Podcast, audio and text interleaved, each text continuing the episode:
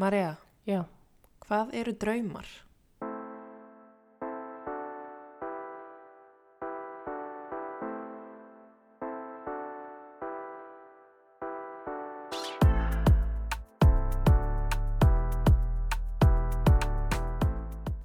já hæ, uh, velkomin í raunveruleikan. Þátt númer alveg, hvað, 20? Held 20 eða 19? 19. Hugsanlega, já. 19 eða 20, við erum alveg með þetta hreinu eins og flest allt í okkar lífi. Uh, ég er búin að vera, er mjög fyndið, ekki fyndið, síðasti þáttu fjallaði um sóttkvíða Mm og ég verandi með mjög mikinn sóttkvíða, passa mig mjög mikið, svo bara varð ég bara lasin á föstudaginn. Emmett, hafðir miklar áhyggjur af því að þú værir með COVID? Eðlilega, ég var með þrjú enginni af einhverju, e- e- eitthvað hvað, nýju eða eitthvað, nei, fimm og ég fór í test Já, já. á hérna sunnundaginn sem að var neikvætt þannig að þetta er bara svona venjuleg haustpest en röddi mín er svona aðeins svona meira krispi en kannski oft áður fyrir vikið en er sálinn núna- er í góðu lagi, ég er ekki með COVID Nei, það er núna eins og hefur verið sko á djamminu uh, sem þú hefur ekki gert í rosa langan tíma. ummitt, Þannig að það er svona, já, þú, þú slætar sem COVID-djammari. já ég finn sko já, ég, þegar þú segir það, ég finn alveg svona sama tón og var oft svona daginn eftir harkalegt jam Mm -hmm. maður svona liggur svolítið upp í rúmi og maður er svolítið bara þreyttur maður er mögulega búin að panta sér eina pítsu og hérna hugsa um gjörðir næturinnar eða ekki gjörðir eða eitthvað, ég veit ekki þú veist. en, en allavega, disclaimer röddi mín gæti brotnað en við höldum samt sjóinu gangandi En við erum búin að taka þetta djamdæmi samt alla leið, sko, þrátt fyrir að hafa ekki verið auðvitað að djamma. Við erum búin að vera að borða pítsu og, en við tókum rosalega þing og helgi já, það má segja það. Annar disclaimer, samt sem aður, uh, Míló er hérna, undurinn okkar, eitthvað á vappinu. já, við erum að taka upp að degi til, aldrei svo vant Já, það er eiginlega bara í fyrsta sinn, held ég frá upphafi sem við tökum upp ekki á miðnætti. Já, af því að yngri strákurinn okkar er sem sagt komið með daggæsluplás þannig að, að skyndilega eigum við svona klukkutíma hér og þar til, a, til að taka upp þætti sem er gaman. Já, heldur betur. En áður en við höldum áfram með þáttinn, þá ætlum við að sjálfsögða að minnast á styrtaræðala þátturins. Einmitt. En þessi þáttur er í bóði Cheeto Care og Playroom.is eins og þau kannski eru farin að þekka. En Cheeto Care er íslenskt fyrirtæki uh, sem að framleiðir húðvörur staðsett á Siglufyrði Mm og það er uh, alveg ótrúlega, ótrúlega góða vörur sem þau framlega, bæði andlitskrem, uh, líkamsskruppur og krem og maskar.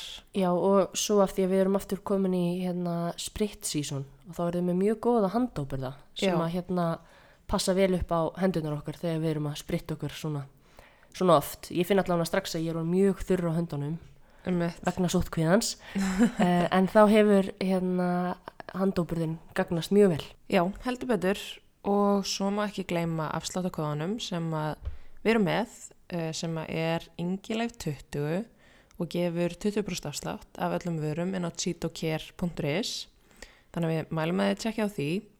Og svo er það semst hinn styrtaræðli þáttarinn sem er playroom.is en það er leikfanga vöruverslun fyrir börn og barnavöru verslun virkilega falleg og þroskandi leikföng sem við mælum líka sannlega með að þið tjekkið á.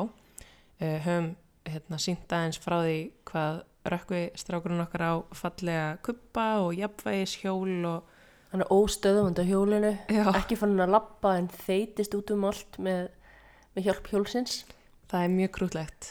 Þannig að við mælum með því, þar er líka afsláttakóði sem við erum með og hann veitir 15% afslátt að við erum hjá þeim en það er raunveruleikin 15.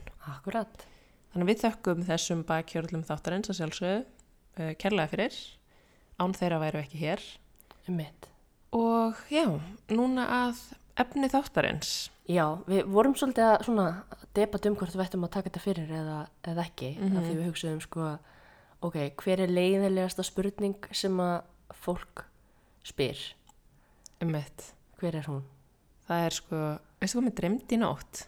einmitt. Eða á ég hef- segja þér hvað mér dreymdi nótt? það hafa yfirleitt mjög fáir áhuga á að heyra það en Einmitt. ég tengi samt svo við það oft þegar mér dreymir eitthvað algjörlega galið hef ég alveg þörf fyrir að tala um það. Mm og, hérna, og núna í þessum rosalegu veikindum mínum Sem gríðarlegu veikindum.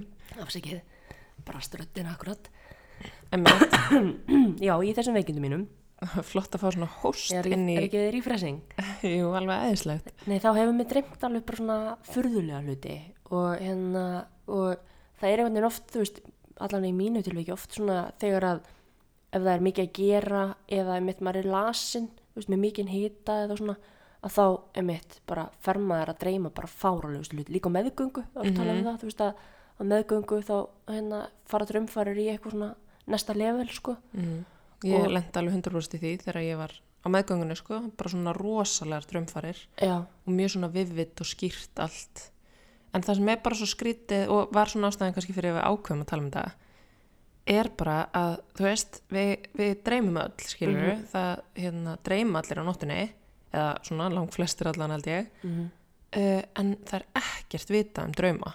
Nei, allavega mjög lítið, veist, það er engin svona uh, ein kenning sem hefur verið sko staðfest um hvað þetta er. Mm. Svona líklegasta skýringin, svona innan sálfræðingan er svo að þetta sé í raun og veru bara vinsluminnið okkar að vinna út úr bara atbyrðum dagsins skínhrifum sem við höfum orðið fyrir fólki sem við sjáum. Og oft þú veist geta svona aðaleikendur í einhverjum draumum verið bara manneski sem þú mættir í búð Mm án þess að hafa að, þú, að þín meðvitund tók ekki eftir því þó svo hau, meðvitundin tók eftir því. Eða skilur við, þetta svona fór í undir já.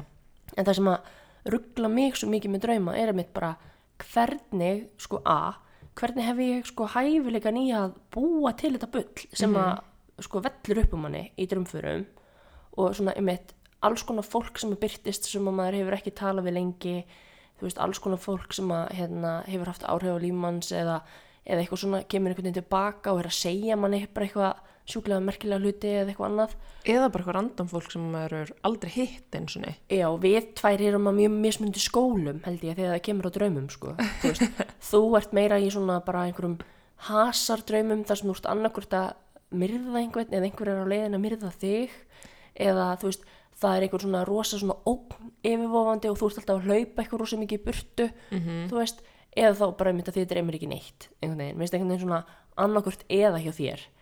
Á meðan að ég er meira í svona ég er mjög mikið í svona einhverjum um sem er mjög stæðlega meika sens sem svona úrvinnslurum mér dreymir mjög oft eitthvað sem tengist annarkvort viðfangsefnum sem ég hef verið að takast á við e, einhvers konar svona spin-off af veruleikanum sem að ég var að upplifa þú veist í vikunni eða daginn áður eða hvernig sem það er. Mm en líka því ég hef reynslu af því að vera með sko áfallaströyturöskun og það er eitt af einkennum áfallaströyturöskunar að það er svona miklu drömfærir og þú getur fengið svona síendu tekna drauma, svona terrordrauma. -hmm. að þú veist á tímabili um, frá því ég var svona kannski 18 til 19 ára þá gati ég nánast ekki sofið án þess að dreyma flugslis Mett. og það var bara alltaf sami draumurinn hann var nákvæmlega eins kannski ekki smá smáðadrið svona sem breyttist ennum milli en mér bara dreymdi flugslis endalust og finnst þið skrítið í þessi flug, flughreit sko. Þú veist, þetta er bara En þetta er náttúrulega, sko, já, þannig kemur að orsöku afleðing, sko, því var öruglega dreymið að því vart flugrætt. Nei, ég var ekkert flughreit fyrir þetta sko. Nú, ok, er þetta, semst, þetta er allt draumnum að kenna. Nei. En það er einmitt, sko, þetta er svo skrítið með drauma, af því að, einmitt, maður getur verið, og það er svona, með dreymir einmitt svona meira eitthvað svona absúrt, þú veist, þú ert meiri í eitthvað svona hefbundnum, hérna, raunveruleika tengdum draumum. Svona ekki bara munurinn á mér og þér. Já, ég er svona meira absúrt típa. Já. Nei, það er svona, einhvern veginn, já, mín eru svona frekar ekstrím draumanir og hérna rosalega oft miklar bara sko framhaldssögur bara og ég veit ekki hvað og hvað. Og þetta er svo skrítið að því margt sem að gerist í mínum draumum er eitthvað sem ég hef aldrei nokkuð mann hugsað um, skilur Nei, og var vonandi, ég vona ekki, þú veist, partur á þínum, þú veist, þinni viku eða þínum degi. Nei, emmitt, nei, mér dreymdi nú bara í fyrra dag ég væri að myrða eitthvað, sko, þannig að það er vissulega ekki eitthvað sem er partur á mínu Ég, það lífi. lætur mér samt spyrja spurningar, sko. Ég, ég veit ekki alveg hvað þú ert að pæla á daginn, sko. ég held að ég sé bara búin að hlusta ofumörg eitthvað svona morð Já, það getur síðan verið, þú veist, að það sé hérna Það sé búið að setast í undir með þetta. ummitt. En svo sko, hérna, já, þú veist, það er svo misjönd einhvern veginn einmitt hvað mann dreymir og svo er líka alveg sem að mér finnst bara mjög fríki að ég hef alveg lendið í gegnum tíðina að dreyma eitthvað og svo gerist það. Já, Og þú veist, mér finnst svo klikkað að þetta er, þú veist, eins og bara svefn almennt. Þú veist, við sofum, þú veist, bara alveg stóran hluta æfinar. veist, stór hluti æfi okkar fer í svefn og það er rosalega lítið vita samt um þetta ástand sem við erum í. Svolítið eins og sjórin. Já, pældi því, já, góð myndlíking, strax again, sko. Við vitum eitthvað á yfirborðinu við vitum ekkert hvað er þarna undir niðri, sko. Nei, og það er búið að rannsaka bara, bara örlítinn part af þessu, af því að síðan eins og þarna, þú veist, af því að þetta gerist í heilanum Mm þegar við dreymum og ég hef nú bara reynsla því þegar ég greindist með flóaveiki að, þú veist, fara til læknis og heilin er rannsakaður og þú veist, það einhvern veginn kemur ekkit út úr því og læknandi bara, já, þú veist, það er bara svo lítið vitað um heilan. Við getum bara ekki sagt nákvæmlega hvað er í gangi. sturlað. Pældi í því hvað er klikkað? Já, ég meina, þú veist, þetta er heilin.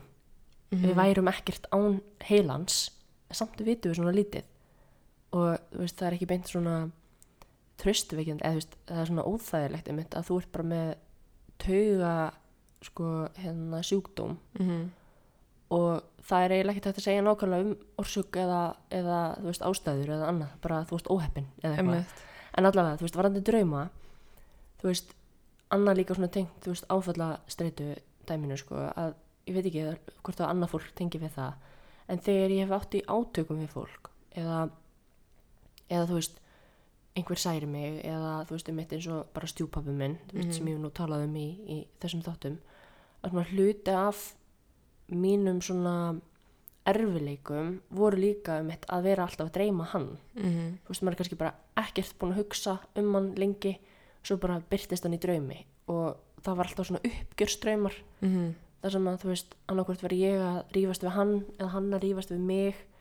Þú veist, ég að, þú veist, drepa hann og hann að drepa mig og hann og mamma byrjuðu aftur saman, skilur alls konar svona Mm aðstæður sem að gera það verkum að ég vaknaði alltaf bara í, þú veist, svitakasti og trámakasti og grátandi, þú veist -hmm. og maður hugsa sko, þú veist, af hverju er heilin minn að ákveða að setja þetta á dagskrá hjá mér Akkurat. ég bað ekkert um það í fyrsta lagi og þetta kemur ofta á mjög randum tímum en stundum er ég svona meðvitum bara ef ég er kannski búin að fara í viðtal eða búin að tala mikið um þetta Mm að það veit ég alveg af fenginni reynslu að ég er að auka líkunar á því að þetta komi og kannski af því að ég er að hugsa um það fyrir söfnin, söfnin og við ætla ég fái svona draumi nótt Mhm. að þá kannski kemur hann, þú veist, ég veit það ekki Alveg eins og þegar við tölum um þetta í podcastun okkar, mm -hmm. það þáttur, ef þið er ekki múin hlusta á hann, þá mæli ég að sjálfsögum mjög mikið með honum.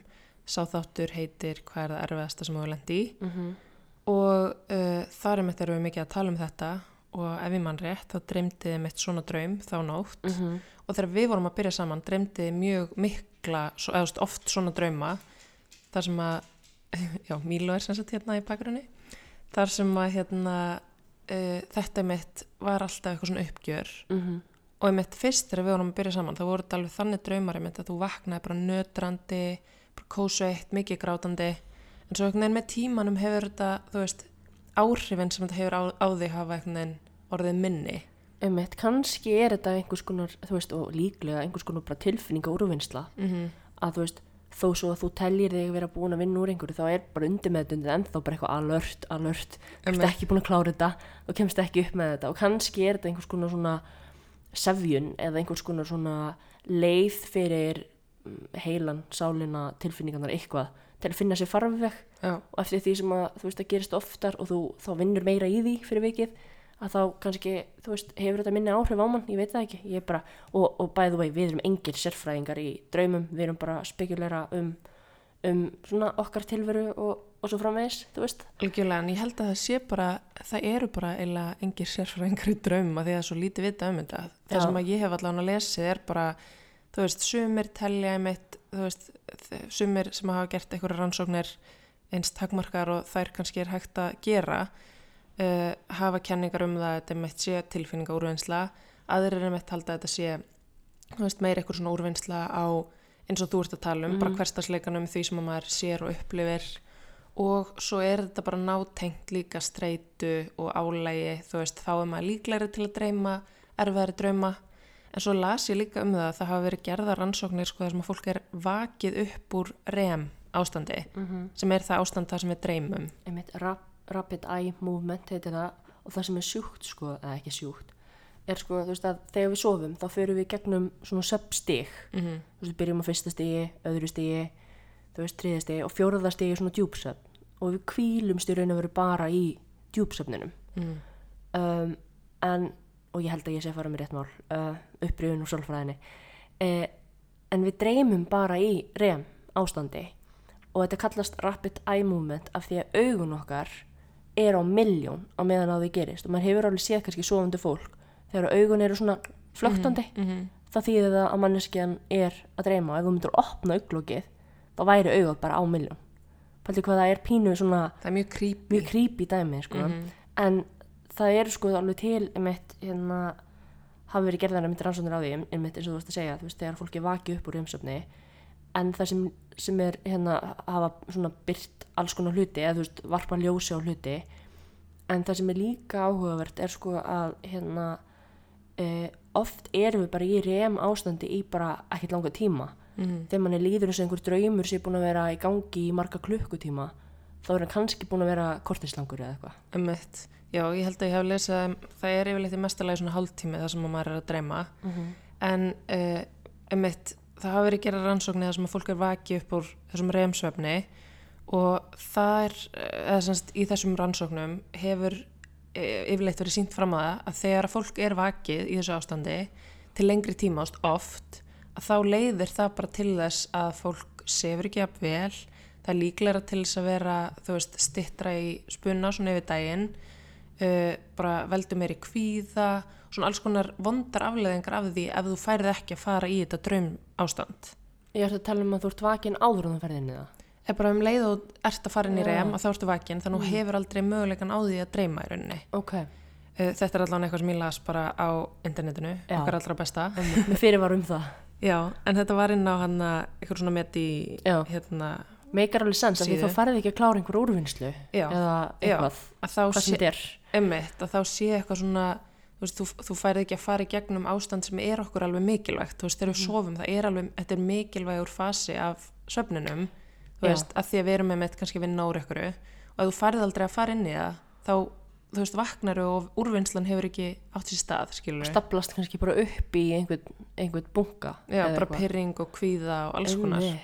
Þetta er allavega einhver kenning en með fyrirvara mitt líka um það að það eru bara kenningar, þú veist, það er ekki taldbært í rauninni um þetta En með við hvað við erum sko ótrúlegt spendýr og hérna með, þú veist, ótrúlegustu svona funksjónir mm sem að grípa rosalega marga hluti e, þá hlýtur um þetta að vera ástæði fyrir þessu. Þetta er ekki bara einhver tilvíl, þetta er ekki, þetta er ekki bara einhver kerfisvilla sko. Nei, veist, það, það er einhver ástæði fyrir þessu og hérna, og ég veit ekki, þú veist, ég hef alveg pælt í því hvort að, þú veist, hundinum okkar dreymi Ég meina hann allavega í svona augnaflögt Já, og og veist, stundum svona byrjar hann svona ílvara smá upp á söfni og, og ég veit um hundar eins og hundur sýstu minna, hann hleypur ókslega mikið í söfni það er svo skrítið sko. veist, er svona með lappinir eins og hann sé að hlaupa Já. en er samt liggjandi mm en svo er líka til ótrúlega margar þú veist svona um eitt söfn raskanur og fleira þú veist þetta eru þetta þú veist þetta, er svo stór hluti af okkar daglega lífi Mhm. en við erum ekki meðvitið um það.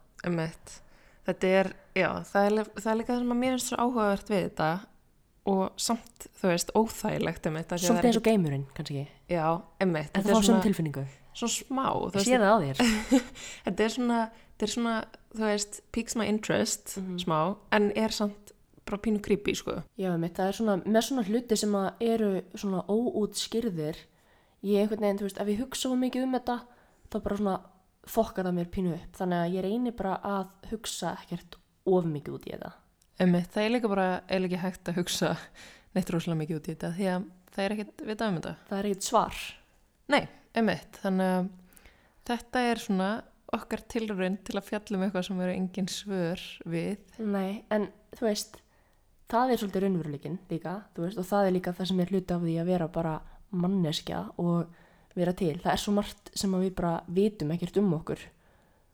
Og hérna, þú veist, við vitum ekki eins og nákvæmlega af hverju við erum til sko. Nei, en við erum hérna. Emmitt, 2020, skrítnasta ár allan að lífsmýns já, um, eða svona furðulegasta. Mér finnst svona eins og ég sé föst í einhverju svona einhverju sci-fi mynd já, ég held líka eftir svona tíu ár þegar við munum horfa tilbaka að þá verði allir bara svona, wow, þetta var fáránlegt. einmitt og koma einhvern veginn fljótur að, að aðlagast en sko ég samt held að ég, ég held að ég sé ekki búin að dreyma neitt COVID-draum til dæmis sem er mjög skrítið af því að það er ekkert talað um neitt annað en COVID sko. Nei, emmitt. Ertu búin að dreyma eitthvað um COVID? Nei. Veiruna að elda þig að þú að drepa veiruna? Nei, ég held ekki. En hérna, varandi þetta ástand, þú veist, ég fór inn í krónun aðan mm. og ég hugsaði svo mikið, þú veist, ég horfiði svona í kringum mig. Þetta er eins og ég séu með mitt inn í einhver svona sci-fi zombie apocalypse dæmi, sko. Allir einhvern veginn með bara þessa grímur í framann, lappandum, þú veist, maður þekkir engan. Nei, og það sem ég hef tekið eftir er að fólk svona forðast augnsamband með þessa grímur. Ég veit ekki, og ég gera það eiginlega pínu sjálf. Já, því að maður veit ekki hvort maður þekki viðkomandi, að því að það er svo erfitt að sjá nákvæmlega hverju þetta er þegar maður sér bara augun, sko. Já, en þú veist, líka bara í vinnunni, þú veist, ég hef verið að fara í mötunetið og það eru bara fólk sem ég hitti daglega, en það er samt einhvern veginn svona skrítinstemming, en það er líka kannski af, af því að fólk, fólk vill ekkit, þú veist, staldra við og tala saman, af því að það er líka bara býður hættunni heim. Einmitt. En að því erum að tala um drauma, Já, við fyrum alltaf að tala um COVID. já, já, þá sko hafa draumar auðvitað aðra merkingu líka, Mm -hmm. að því að þið getur dreymt um eitthvað fyrir framtíðina og getur áttir drauma, e, það tengist ég ekki að sofa, en Hver- hver eru þín draumar, Marja? já, varpar þessari sprengju bara sí svona. Já, bara svona létt pæling. Já, ummitt, mínir draumar. Ég hef alltaf verið mjög léleg í að svara svona spurningum um, þú veist, eins og bara áhugamál, hvert stefnuru, þú veist, hvar viltu vera eftir fimm ár og svona, svona markmiðasetting, þú veist, ég hef alveg átt einhverjar dagbækur og svona dót en ég, ég er ekki með nógu svona mikinn aga eða nógu skýrar kannski hugmyndur um, þú veist, hvað ég vil til að geta fyllt upp í svoleiðis. Ég fæ alltaf bara pínu kvíðakast, sko, minnst það mjög yfirþyrmandi. Þannig minnst þetta mjög yfirþyrmandi spurning, sko. En Sko ég sé þig svo svara- lítið fyrir mér skrifa í dagbók. Við Nei. fengum einu svona dagbók gefins og þú horfir á hana og bara, nei, nei. nei, ég fór eins og í áfanga í háskólanum, mannstu eftir því, þar sem við áttum Já. að skrifa í dagbóku hverjum degi. Emmitt. Það er bara eitt erfiðasta verkefni lífsmins. Ég endaði líka á því að skrifa held ég, þú veist, 30 daga í einu, eða eitthvað, ná ekki ekki alveg, en ég reyndi alveg mitt besta. En þú En- skrifa líka eins og svona fimm ára gammal strákur. Uh, já, það er pínu satt. En maður er líka ekkert mikið að skrifa, þú veist, ég allan að handskrifa rosa lítið Mm -hmm. og hérna, og þetta var alveg þannig, maður þurfti að skrifa bara eitthvað tvær blaðsíður á dag um bara eitthvað hvernig dagurum var og lífið og markmiðin og eitthvað, þetta var, þú veist, það var alveg leksja í þessu vissulega, en mér fannst bara svo leiðilegt að skrifa. Já, En draumandi mín er, jú, ég minna, þú veist, mér langar til að byggja upp skemmtilegt líf með þér og börnunum okkar og jú, jú, Míló líka. Um, Engi bituleiki þarna. Ah, Míló er æðislegur samt. Um, elsku Míló. elsku Míló minn. En hérna, nei, en þú veist, ég veit það ekki. Ég er ekki manneskja sem að er með einhvern eitt draum. Ég lifi bara í núinu, skilur Ég er bara, minn draumur er að vakna á mótnana nákvæmlega eins og ég vakna núna og fara að sofa eins og ég fer að sofa núna. Þannig að þú vilt- vilt bara stoppa tíman og vera bara í þessu ástandi alltaf. Um, mínus COVID, þú veist. Mhm. en, en jú, ég væri alveg til í, í, hérna, í þetta tempo, þú veist, og samveruna og það allt, en, en svona kannski að geta lappað út án þess að hafa ágjör að ég smittast af einhverjum sjúkdómi sem ég veit ekki hvernig virkar. Emmitt. En þinn? Sko ég held að mínir draumar uh, auðvitað emmitt tengist líka fjölskyldunni og þú veist okkar lífi saman en svona að öðru leiti held ég að mínir draumar snúist svolítið um það að vilja gera eitthvað sem að þú veist skilur eitthvað eftir sig og hjálpar öðru fólki. Já, jú, auðvitað, þú veist, það, það er, það er, ég tengi við það, það er svona, líkur einhvern veginn mjög beint við. Já, eins og þegar ég hugsa um hins einleikan og tilgangin með honum og svona ástæðan fyrir að við opnuðum hann á sínum tíma uh, var einmitt til þess að hjálpa öðru fólki og ég Mhm. finn svona, minnst það vera veist, það er eitthvað sem ég er stolt af og finn svona, já þetta var veist, það var tilgangur sem að láð þarna að baki og það var gert í þáu annara en okkar, skilur svona einhvers konar drifkraftur Já. og þannig já, einmitt og það er kannski sama, þú veist maður ætlaði að tala um svona drauma heim eða drauma framtíð, þú veist, þá myndi ég vilja hafa um eitt með þér skilið eftir einhvern svona stað þar sem að fólk má vera eins og það er mm -hmm. en það er ekkit endilega minn draumur eða skilur það snýr ekki mér persónulega en jú, það gerir það óbeint ef Já. samfélagið er gott þá hagnast ég á því að því ég mitt hugsa þetta líka sko ef ég myndi degja morgun þá myndi ég alveg vilja að það sem ég gerði í lífinu hefði hjálpað ykkur fólki eða gert að verkum að eitthvað annað fólk hafi haft það eins betra heldur en það hefði gett haft það, skilur Mhm, mig mhm. sem er einmitt svona í tengslu við hinseinleikan eitthvað sem ég finn svona ok, ég er stolt af þessu og ég er sátt einhvern veginn við það að uh, þú veist, að þetta sé mitt framlag Mhm. Og það er svona draumandi mínir að, að reyna að gera áfram eitthvað svoleið sem að getur kannski hjálpað öðru fólki. Þannig að, mjög góðu draumur. Já, ekki fjarlægur en samt svona veist, ég rokka gæðveitt á milli þess að virkilega trúa því að sé hægt að komast á hann stað og bara missa síðan alla von. Já, já, þannig að það fyrir bara svolítið eftir hvernig dagsformið er einhvern veginn. Einmitt. Þetta er svona hérna hinnar tvær merkingar drauma. Mér náttúrulega dreymir aldrei á nóttinu um að ég sé að hjálpa ykkur fólki, mér dreymir bara um að ég sé að lendi ykkur um miklum háska eða hasar með fólki en kannski nótt. Þú ert búin að vera að tala um þetta. Þetta er kannski tilraunarinn að virði. Þú veist, helduru að ef ég hugsa nógu aktíft um eitthvað, ef ég ákveð núna bara að hugsa ógslag mikið um bara gírafa mm og ég er bara eitthvað að tala geðið mikið um gírafa gír, vá, gírafa það sem eftir lifir kvölds. Og heldur ég getið, þú veist, implanta ég þannig að mér dreymið þá gírafa, það er góð pæling, ég held að ég muni frekar dreyma gírafrur Gírafa. úr þessu. En já, ég bara þú veist, Ég þekki þetta ekki. nei. En þetta er, þetta er mjög áhugavert og heilin bara í sjálfu sér bara, hérna, allur heilin er mjög áhugaverður. Mm -hmm. ég verði til í að vita meir um hann og það er kannski efni að kafa hún í öðrum þætti Bara hvað vist um heilaðinn? já, og svo er þetta bara ekki neitt hjá okkur báðum Jú, ég reyndar alveg, ég fór í lífeðlisfræði og alls konar áfanga sem að hérna, snúað heilanum, sko, ég get alveg talið upp alls konar svona heiti. Ég get sagt þér hvar minnistuðin þín er og, og hvar reyðin liggur og eitthvað svona, en þú veist, þetta er samt algjörlega ruggla líffæri, sko. já, við skulum taka hann fyrir í einhverjum þætti Úksla fræðilega þáttur um heilan. Já, ok, þú veist, alveg til í það.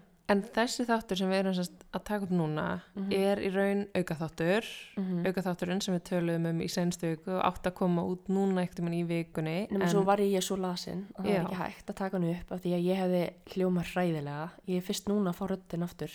emitt í staðin emitt erum við að taka hann bara upp núna Mm hann kemur þá út núna í kvöld og svo kemur þriðudagsþátturinn okkar hefðbundni tími á þætti sá þáttur kemur út á morgun Bara annarkvöld. Já, En, en, að þið verður bara fyrirgeða okkur það að þeir komi svona tveir í röð já, ég meina á COVID-tímum er það ekki bara fínt ef fólk ekki bara eitthvað í göngutúrum og, og hérna og hlusta podcast og þú veist taka til í geimslunni sinni eða eitthvað. Ég veit það ekki. Ég held að sé núna er tíminn til að hlusta góð podcast sko.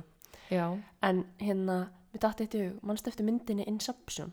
heyrðu já, emitt hvort ég mann, ég var að lesa um svona draumfarir eh, á einhverju síðan þar sem þú ert semst meðvitaður um það að þið sé að dreyma þegar þú ert inn í draumi. Mm.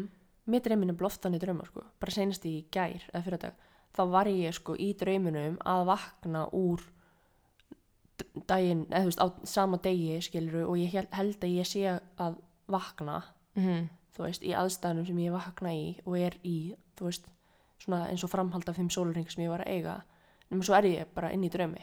Já, þannig að þú vaknar tvöfalt í rauninni. Já, Þetta er nefnilega, þetta er ákveðið ástand sem að heitir eitthvað sem að ég las aðan, ég man bara ekki alveg hvað það var. Uh, en þetta er sem sagt eitthvað sem að gerist þegar þú ert svona á milli sveps og vöku svolítið. Að þú svona vaknar ert hálfsofandi, hálfvakandi einhvern veginn þannig ég held að þetta sé ástand sem að þú veist, þetta er bara örugglega einhverja nokkra mínútur þú veist, ég held að þetta sé ekki eitthvað mm. mjög lengi uh, þetta ástand sem maður er í en þetta er ógstlega skrítið að þetta geti gerst ógeðslega skrítin tilfinning Þú En- hefur ekkert verið að vinna með svona eins og í Inception að finna þér eitthvað svona eitthvað hlut eða eitthvað sem að þannig að þú vitir hvenær þú ert raunverulega vakandi og hvenær þú ert svoandi. Já, hvernig veit maður? Ég veit það ekki. Kannski ertu bara svoandi núna. Já, kannski.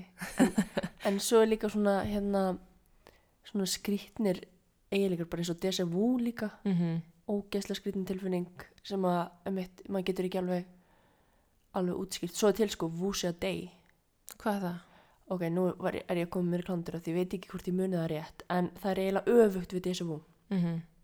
uh, þá ertu í raun og veru uh, ég, ég man ekki endilega googlið það bara það heiti Wuxia Day Wuxia Hver, hvernig væri, ef, ef það væri að tala um eitthvað sem er öfugt við þessi Wu Sko déjà vu er náttúrulega það að bara þér finnst þú hafa upplifað þetta áður. Einmitt, en ef, þið, ef þið finnst þú aldrei hafa upplifað þetta þá er það bara nei, þetta er ekki þannig. Þetta er eitthvað svona, æ, þú veist bara um að gera að googla sig áfram. Við, mun, við munum googla þetta og komast að þessu. Já, komum við update í næsta þetti Já, en hérna já, déjà vu er náttúrulega mjög skrítið. En það er eitthvað svona líffræðilegt. Þá fara upplýsingarnar í gegnum annað augað fyrst eða annað eirað fyrst eða eitthvað einmitt, þetta er eitthvað mjög bara það er hægt að útskýra það alveg. En þetta er svo, samt svo óþægileg tilfinning þegar maður svona veit alveg hvað manneski er að fara að segja næst. Mm En mér finnst það líka sko að því að ég hef einmitt alveg lesið um þetta þetta er eitthvað svona líffræðilegt ástand þú veist að það bara upplýsingarnar er að ferðast á mismunandi hraða og mismunandi stöðvar í heilanum, eitthvað svo leiðis en mér finnst samt stundum þegar ég lendi í þessu eins og þetta sé eitthvað sem ég hef upplifað bara alveg fyrir mörgum mörgum árum skilur Mhm. og eins og ég hafi eitthvað svona minningu um þetta nákvæmlega sama þú veist þegar ég var bara miklu yngri. Einmitt, ég man sko eftir í fyrsta skipti sem ég fekk þessi fú Já, ok. Ég man alveg, ég var bara lítil var að fara hérna að borða hjá frænda mínum um, og þú veist, og ég man þegar ég fekk í fyrsta skipti þessa tilfinningu. Og hérna, ég spurði mömmu bara byrju, þú veist, mér finnst þess að ég hafi lendið í þessu áður, Hva, hvað var þetta? og hún sagði mér þá að þetta væri vu mm en þú veist, En það er svo skrítið með þetta maður færi þetta svona eins og þetta sé gömul minning. Já eins og Það er það sem er upplifa eitthvað. Já, að því þú veist, þetta er eitthvað sem er bara með þetta að gerast í þeim þú veist, aðstöðum sem maður er í akkurat á meðan þetta gerist. En einhverju lita vegna verður þetta bara eins og eldgumul minning. Þetta er mjög undarlegt ástand því kannist eflaust öll við þetta mm -hmm. en já, þetta er, þetta er svona alls konar skrýtni hlutir sem að þú veist, tengjast heilanum einhvern veginn einmitt og, og draumum Já, þetta er alveg bara ótrúlega skrítið. Varðandi samt svona drauma, við getum vel ekki lokað þessum þætti nema við nefnum allavega svona, hérna, hvað heitir aftur svefn ástandi þar sem að fólki líður eins og það get ekki hreift sig og það sé eitthvað svona hræðilegt að gerast. Svona sleeping paralysis Já, já. söflumun eða eitthvað svo já. Hefur þú lendið því? nei, en ég heyrt að það sé hræðilega óþægilegt Já, það er einmitt líka eitthvað svona ástand sem er mjög skrítið. mm -hmm. að því þeir sem að lendi því uh, tala um það að það gerist yfirleitt, þú veist, þú, er, þú vaknar í rauninni og þið líður eins og að sé eitthvað svona svört vera yfirleitt, þetta Mhm. lýsir sér yfirleitt þannig að kemur eitthvað svona svört vera yfir þig eða þið líður eins og að sé eitthvað stórkostlega hræðilegt að gerast. Það verið að halda þið niðri í raun og veru. Já, og þú getur ekki bjargaður úr aðstæðanum að því þú getur bara bókstæl ekki hreift þig. Um þetta hljóma sko eins og hinn bara vestamartröð já, fyrir innilokun og kendar yngileif Úf, ég fæ bara hroll við tilhugsununa, ég sem betur fyrir aldrei lendi í þessu. Nei, ég, hef, ég á nokkru vinkunum sem hafa um mitt lent í nákvæmlega þessu og það lýsir svo allir eins. Mm en svo er náttúrulega líka hægt að vera með þú veist svona hérna sjúkdóm sem heitir hérna að æ það sem þú sopnar fyrir varulist Já, bara sveppsíki eða Já, eitthvað svo les. ég veit- þekki strák sem var þannig það, hann var að vinna sem pizzasendill það var pínu vandamál. Æ, Hann hann var var það búin að- ekki að sopnandi stýri Jú, eða? hann var alveg að lendi því sko. Þannig að Ég hann hann hafi þá ekki keirt ég held hann hafi endað á því að vera bara að baka pítsunar sko. Já, það hljómar mun það var bara strákur fyrir vestan sko en, en þú veist, það er náttúrulega líka svo margt bara eins og tilfinningin, þú veist, þegar maður er alveg að sopna manni líður eins og maður segja detta Einmitt. þú veist, og ég, þú veist, við báðar alveg stundum svona reysum okkur svona upp eins og eitthvað hafi verið Mhm. að gerast og svona fattar maður ekkert byrju af af hverju er ég vakandi, af hverju er ég þú veist, af hverju var þetta að gerast Einmitt. Og það sem að mér finnst kannski svona skrýtnast með mig og svefn tengist flóaveikinu minni mm -hmm. að því að í eða öll skipti sem að ég hef fengið flóg, hvort sem það er svona stórt flóg eða svona minni flóg sem ég fæ frekar reglulega, þá gerist það í svefni, eða bara alltaf. Einmitt. Og það lýsir sér bara þannig að ég bara vakna upp, þú veist, ég, það er bara svona eins og ég sé vakin Mm -hmm. við mjög óþægilega tilfinningu sem er bara svona, mér líður eins og ég sé alveg að missa tökin á umhverfinu mínu. Þú veist, ég veit ekki alveg hvernig ég get líst því, þetta er eiginlega bara algjörlega ómögulegt að lýsa þessari tilfinningu. En ég held þetta, hérna, þeir sem eru með ofsakvíða, ég held að þetta sé svona svolítið svipuð tilfinning og hef lesið um það að svona, svona típa flói sem ég fæ eh, geti verið í rauninni bara alveg eins og ofsakvíðakast Mm. að ég bara svona vakna meðanótt og upplifið þú veist þetta eins og ég sé svona alveg að missa tökinn Einmitt. og það hefur leitt til þess að ég fæ síðan stórt flóg þú veist og missi þannig séð tökinn Einmitt, ég hef verið þar jú, jú. en svo þú veist yfirleitt gerist það bara þannig að ég vakna svona upp og svo bara næja að sopna ég lendi núna bara senast í þessu fyrir ekki svo lengur síðan. Einmitt Og- bara fjóri-fimm dagar síðan. Já, og þá hérna, og þetta er mjög óþægilegt sko, því að mér finnst svo skrítið líka að þetta gerist á nóttina því ég er þarna bara sofandi. Það er einhvern veginn ekkit utanakomandi að gerast, en það er bara greinilega einhvern veginn alltaf fullu í heilanum á mér sko. Einmitt, eitthvað svona disruptive dæmi Já, sem er svo skrítið, þetta er svo skrítið við svefnin og við þú veist allt sem er í gangi í haustum á okkur og meðan við erum ekki eins og með meðutund En svo er svo gott að sofa. Ég veit það, en það er bara svo margt skrítið við svefn. Já, ég veit það. En það er samt svo gott. Já, en við hefum nú tvær vinkonur sem eru miklu sérfræðingar í svefni. Já, herðu, mælum með að fylgjast með þeim betri söfn Já, það er, hérna, þetta er ekki auglýsing en þetta, er eru kærar vinkunir okkar sem að vinna þar. Uh, doktor Erla Björnsdóttir sem að, hérna, er bara svona söfngúru Íslands mhm og Ástildur Margrét Gísladóttir æsku vinkuna mín var að Mhm. byrja að vinna hjá henni sem er mjög gaman og þær eru búin að vera mjög ábyrrandi núna upp á síkastið að tala um söfn og mikilvægi söfns og mikilvægi þess að, að hérna, passa vel upp á söfni sinn sko. Já, og Erla er í rauninni mesti sérfræðingur á Íslandi um svefn, hún Mm. er sálfræðingur og svona mjög sérhæfð á þessu sviði en hún hefur líka alveg sagt sjálf bara þrátt fyrir að hún sé svona mikill sérfræðingur þá er bara svo margt sem hún veit ekki að því að það bara er ekkit vitað um svo margt í þessu svefnástandi sko. Einmitt. þannig að en hérna þær eru með svona svefn uh, ráðgjöf líka og, og svona ef að þið vandræði með svefn endilega heyrið í, í Já, þeim þær eru líka með svona einmitt fjár þjónustu ég held að hún hafi verið bara frumkvöld í því á sínum tíma að byrja Já. með svona online hérna uh, hugurana atveldismeðferð við söfnvonda mm en já, þetta er ekki auglýsing þetta er bara hérna Nei. að þið myndi ekki vendum þær. En uh, þú veist, þetta er svo hérna þetta er svo mikið hildýpi sko. Já. ég, ég þarf alveg, alveg að jafna mig eftir hann þátt sko af því minnst þetta svona Já, svolítið mikið. En ég sko hérna ætlaði að koma inn á það áðan þegar ég var að tala um uh, þegar ég var lítið bann þá Mhm. dreymdi mér semst alveg bara svona mjög undarlega drauma. Mm og ég var held ég svona tí ára þegar mér dreymdi að ég var, ég var semst svona bann sem að þú veist það voru nokkru sinnum einhverju svona miðlar sem að sögðu um mig að ég verið rosalega næm. Mm -hmm. sem að þú veist fólk getur trúað eða ekki trúað þú veist, það er þú veist, ég veit ekki hvað það þýðir nákvæmlega en ég var allavega þannig að mér dreymdi rosalega undarlega drauma ég sá alls konar hluti. Þú veist, þegar ég var lasin sérstaklega ef ég var með mikinn hita sem að kannski getur tengst í bara að ég var að fá offsjónir að því ég var lasin.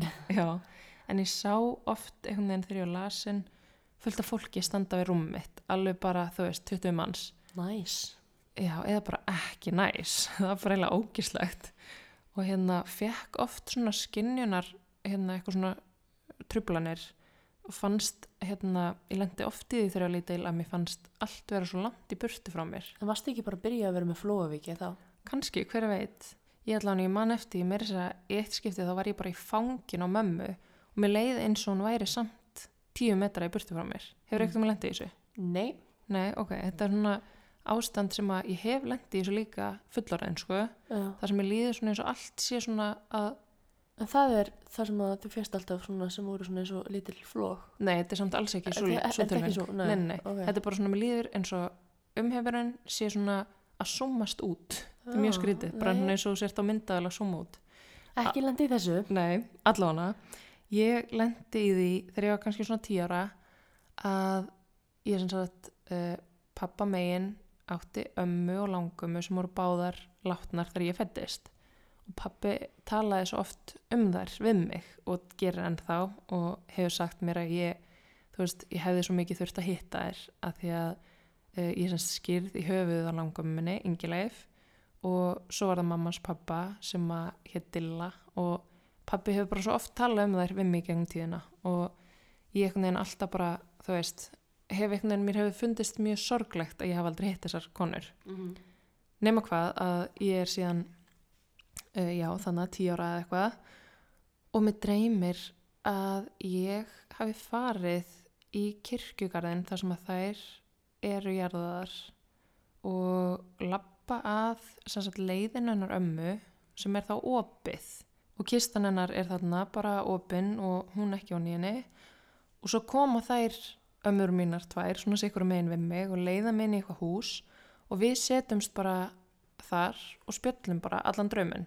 Og þær eru bara að spurja mig um alls konar hluti, ég var að æfa dans og þær eru bara að segja mér að þær væri búin að fylgjast með og hvað er verið stoltar að ég, ég stæði mig svona vel í dansinum og hvað ég verið duglega í skólanum og alls konar eitthvað svona. -hmm. sem er mjög undarlegt að dreyma af því að þetta var í rauninni eins og ég ætti bara við þær samtal Einmitt. og þetta var ekkit, þú veist, það gerðist ekkit nema bara það að við settumst þarna, töluðum saman og svo endar draumurum bara þannig að þær sögðu bara, vá við erum svo gladar að hafa loksins fengið að hitta þig engileif og hérna við munum alltaf fylgjast með þér eitthvað svona, er bara, Einmitt, ég bara- tíu ára bara freaked out, skilur Oh God, Einmitt.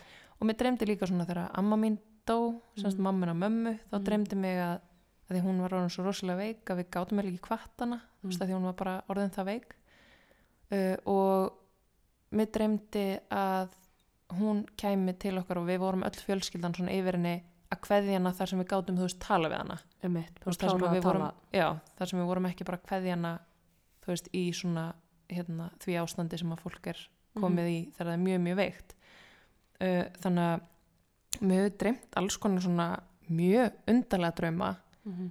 og ég mitt sá alls konar hluti sem barn og svona þannig að uh, mér finnst þetta mér finnst þetta svo skrítið og ég veit ekki þú veist ég, ég veit ekki eins og hvort að hverju ég trúi og hvort ég trúi á eitthvað svona sem er handan Mhm. en mér finnst þetta, þú veist, þarna allan á þessum tímapunkti, þá var ég bara vá ég er að fá ykkur skilaboð eitthvað staðar frá ykkur um öðrum stað heldur en, heldur en þessu lífi hér sko. Einmitt, það er einmitt svona einn af þessum hlutum sem við bara vitum ekki. Emmett, Og hérna, þessi þáttur hefði getað heitið sko allt sem við vitum ekki. pældi samt hvað er friki að við erum mjög þróið dýrategund Mm. en við vitum samt eða ekki neitt Nei. eða þú veist, það sem við vitum er mjög takmarkað En myndum við lifa lífinu eins ef við vissum þetta allt?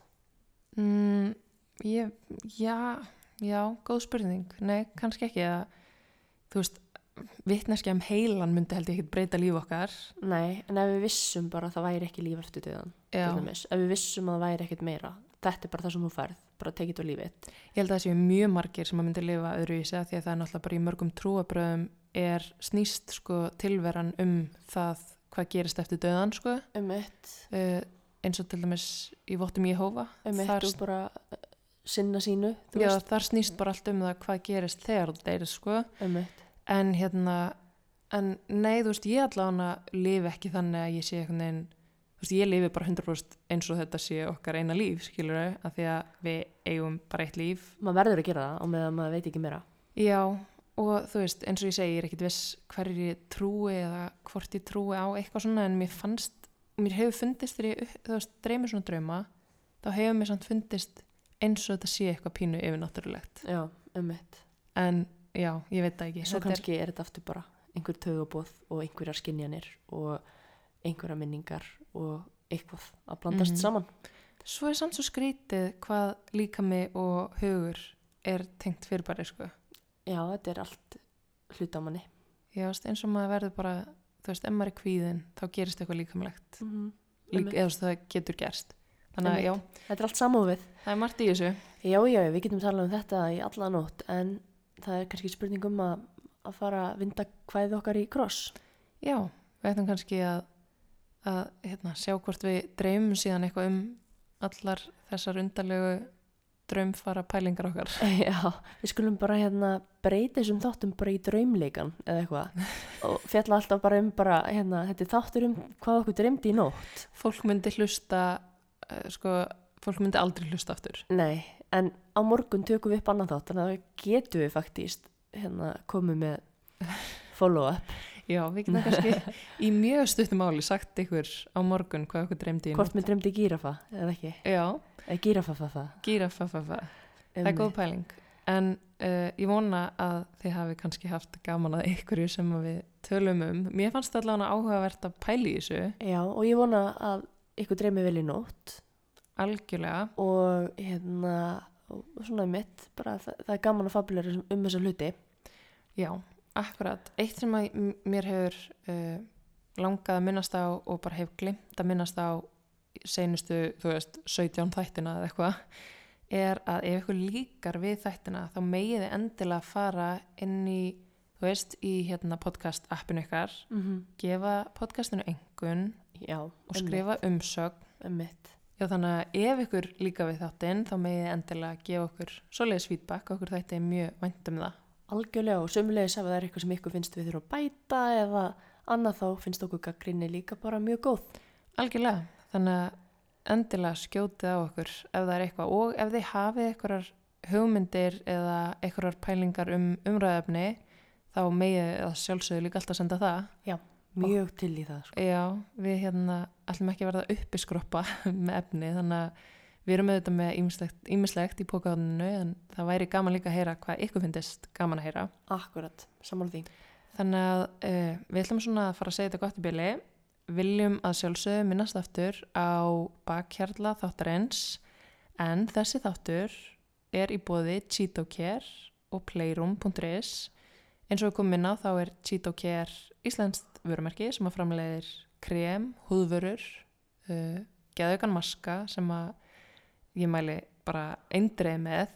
Við erum búin að, ég veit ekki hvort það sé þetta ofnóta maska en Nei, ef það er hægt þá, þá er ég kannski múin að ofnóta þennan, mér finnst það bara svo geggjaður maski. Þannig að hérna, mælum að þið tjekkja á því. Uh, og við erum með afsláttakóðu þar sem er ingileif 20 og gefur ykkur 20% afslátt af öllum vörum en á cheatocare.is Og hægt að fá heimsend sem er mjög fínt svona þessum tímum.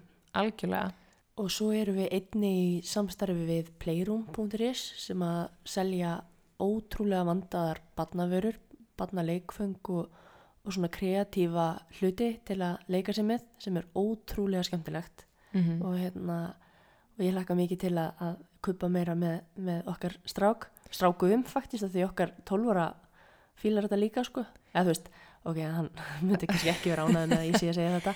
En þetta er eiginlega ekki síður skemmtilegt samt fyrir fóreldra sko. Nei, ég get alveg glimt mér í þessu sko. Þannig að, að hérna Við erum semst að tala um viðarkuppa sem eru frá merkið sem heitir Just Blocks og eru svona, já, opin efni við mjög skemmtilegt að leika sem að Já, bara, þú veist, möguleikarnir enda við hvar ímyndunaraflið manns endar í raun og veru. já, En já, það er sem sagt, við erum líka með afsluttukóða þar eins og Mhm. hefur komið, komið fram og hann er raunveruleikin 15 og gefur 15% afslutt af öllum vörum. Mælum með að kíkja það. já, þökkum þessum aðilum aftur fyrir uh, það að gera þessa þætti að veruleika með okkur Algjörir draumar. Já, heldur betur. Og svo bara hvetjum ykkur til að fylgjast með á morgun, að því að það kemur annar þáttur á morgun. Jep, Þetta var smá auka þáttur, þannig að við hlökkum bara til að vera með ykkur aftur á morgun. Aldrei hérna langt undan. Við gungum kannski bara ekkit frá græjunum núna. Bara leiðum þess að vera. Algjörlega. Já, heimastúdíóðu semst krefst þess að við séum alltaf að taka þær upp og setja þær aftur á sinn stað. Þetta er ekki fínt stofust á sko. Nei, við ættum kannski að fara að koma ykkur upp bara stúdíói, Já, við höfum alveg aðstöðu. í geimslu. Já, kannski ka- förum við bara að taka upp í geimslunni. Já, hver veit.